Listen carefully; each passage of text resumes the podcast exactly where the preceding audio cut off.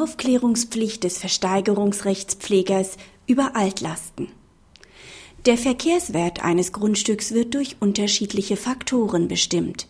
Über diese, etwa Altlasten, muss der Versteigerungsrechtspfleger im Rahmen der ihm obliegenden Amtspflichten aufklären. In einem Versteigerungsverfahren sind infolge eines Gutachtens ausreichende Tatsachen über eine Belastung des Grundstücks bekannt.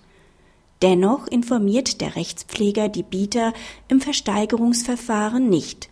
Nach dem Zuschlag erfährt der Ersteher von den Belastungen und verlangt nunmehr von dem beklagten Land die Erstattung der Entsorgungskosten. Das Oberlandesgericht gibt seiner Klage statt. Ein Anspruch steht ihm aus 839 BGB in Verbindung mit Artikel 34 Grundgesetz zu, da der Rechtspfleger im Versteigerungsverfahren ihm obliegende Amtspflichten, die drittschützende Wirkung haben, verletzt hat, indem er jeden Hinweis auf eine Kontaminierung des Grundstücks unterlassen hat. Diese Unterlassung ist kausal für den Schadenseintritt, denn kontaminierte Grundstücke haben wegen der damit verbundenen Gefahren und Kosten keinen oder nur einen geringen Wert. Sie finden zudem kaum Bietinteressenten.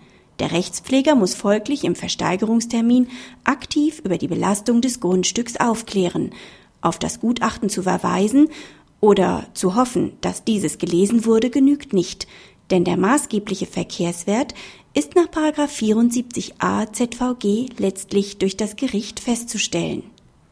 Praxishinweis. Die zutreffende Entscheidung befasst sich mit einem Fall, der bisher sicherlich nicht häufig aufgetreten ist. Da aber das Umweltbewusstsein in der Bevölkerung steigt, ist mit Ausweitungen in tatsächlicher Hinsicht zu rechnen. Der Rechtspfleger muss im Rahmen der ihm obliegenden Aufklärungspflicht nicht nur die sich aus dem Gutachten ergebenden Tatsachen bekannt geben, auch anderweitig erworbene Kenntnisse können eine Aufklärungspflicht begründen.